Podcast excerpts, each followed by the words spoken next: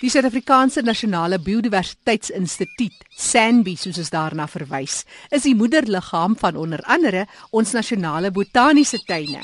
Lenet Ferreira is een van die beamptes en vertel graag van hierdie pragtige tuine in Suid-Afrika. Die Handtam is 'n besondere tuin. Dis daar op Nieuwoudtville. Vertel ons Lenet.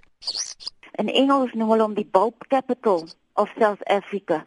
Mense van oor die wêreld kom om die verskeidenheid blombolle daar te sien. En in die regte tyd van die jaar, met ander woorde, hier as die blomme begin blom in die herfs en in lente, het jy hierdie kleure. Dit lyk soos 'n skildery van Van Gogh met hierdie kleure met hierdie bolplante wat skielik begin wat vir die hele jaar onder die grond is en skielik in daai tyd sien jy net hierdie blombolle wat begin bol.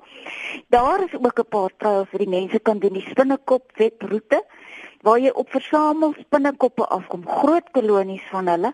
Jou gifbolroete sluit in jou maartblomme en jou gifbolle. Pragtige kaleidoskoop van kleur. As jy op die regte tyd van die jaar daar stap, dan het jy 'n porcupine trail of 'n eystervark trail. Nou daar, as gevolg van die baie bolplante, het jy baie eystervark aktiwiteite. Uh wetenskaplikes en navorsers het ek gevind dat hierdie eystervarke doen eintlik die die hele ekosisteem daar baie goed want hulle versprei hierdie bolle. Hulle belig die grond. Handamtuin is in Nieuwoudtville. Mm -hmm. In Nieuwoudtville op die op die N7 in die Noord-Kaap. Ons het daar op 'n roete gegaan wat jy 'n halfuur lank spandeer en jy stap 2 meter in die veld.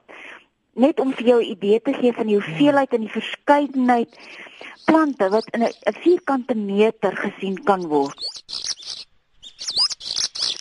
En soos ons nou gehoor het van Lenet Ferreira van die Nasionale Botaniese Tuine, het ek gedink om die span daar in die Handtamtuin te kontak. Ek gesels met twee dames, Colleen Rust is een van die toerleiers en interpretasiebeampte en Arika, Arika Meiburg. Arika is die Groense Benza biodiversiteitsbeampte.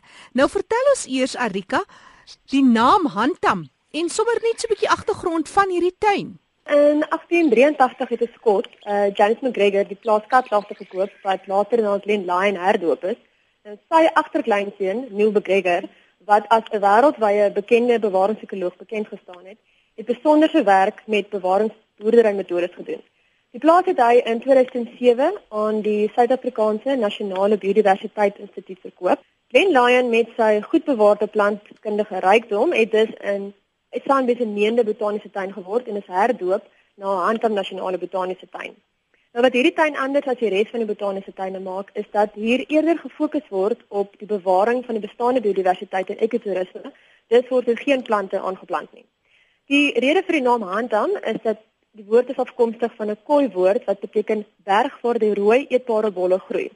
Nou hierdie bolle verwys na die rooi eetbare Pelargonium spesies wat in die Handamberge groei. En wie eet hierdie bolle? Is dit nou maar diere of mense?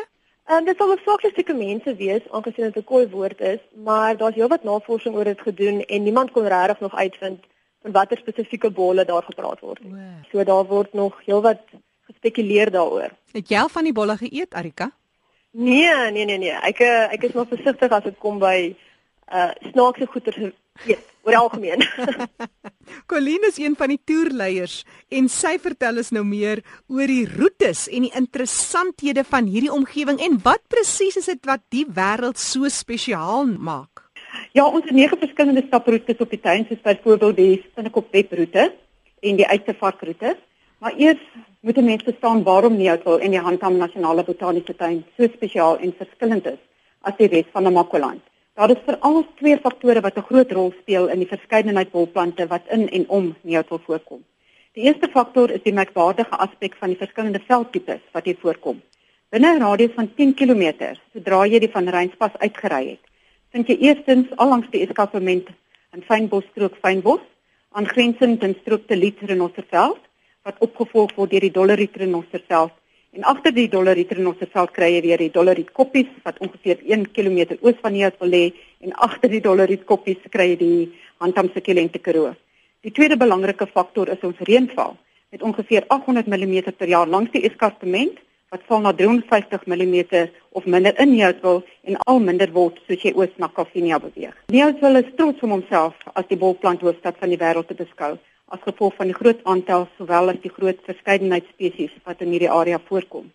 In sommige areas word aanspraak gemaak dat daar selfs soveel as 25000 bolle ondergronds per vierkante meter mag voorkom.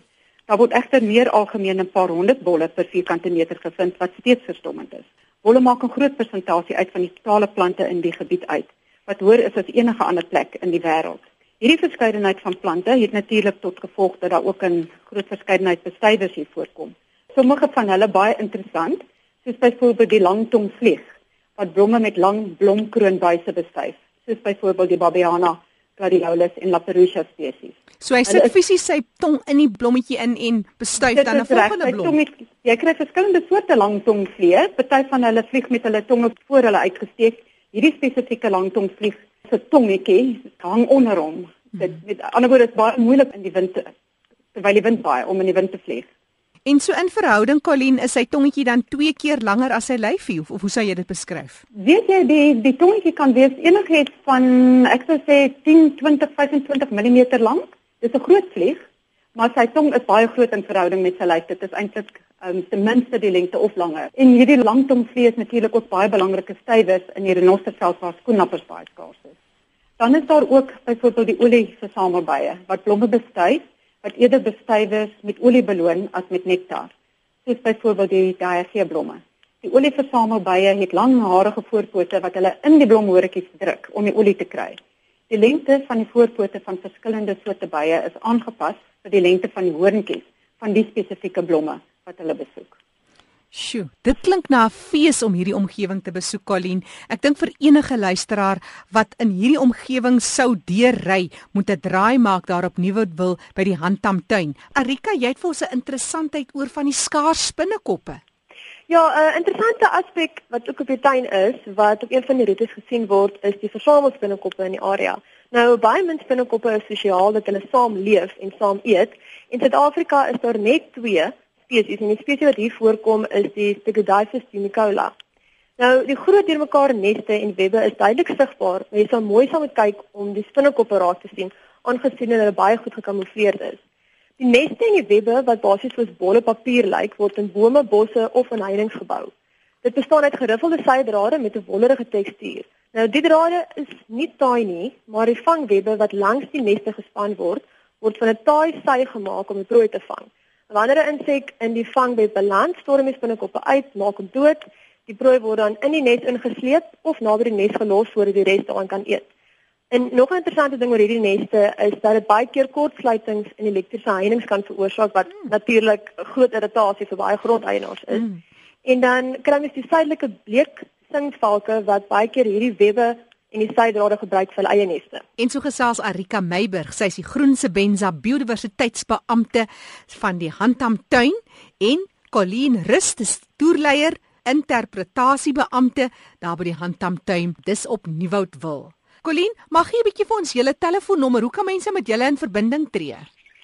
Julle kan ons enige tyd skakel op 027 21 81 200 of jy kan ingaan op die Sanbi webtuiste www.sanbi.org.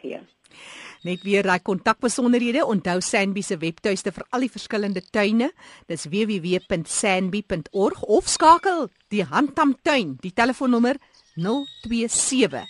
Dis die kode. Die nommer is 2181200. Ek herhaal 027 2181200.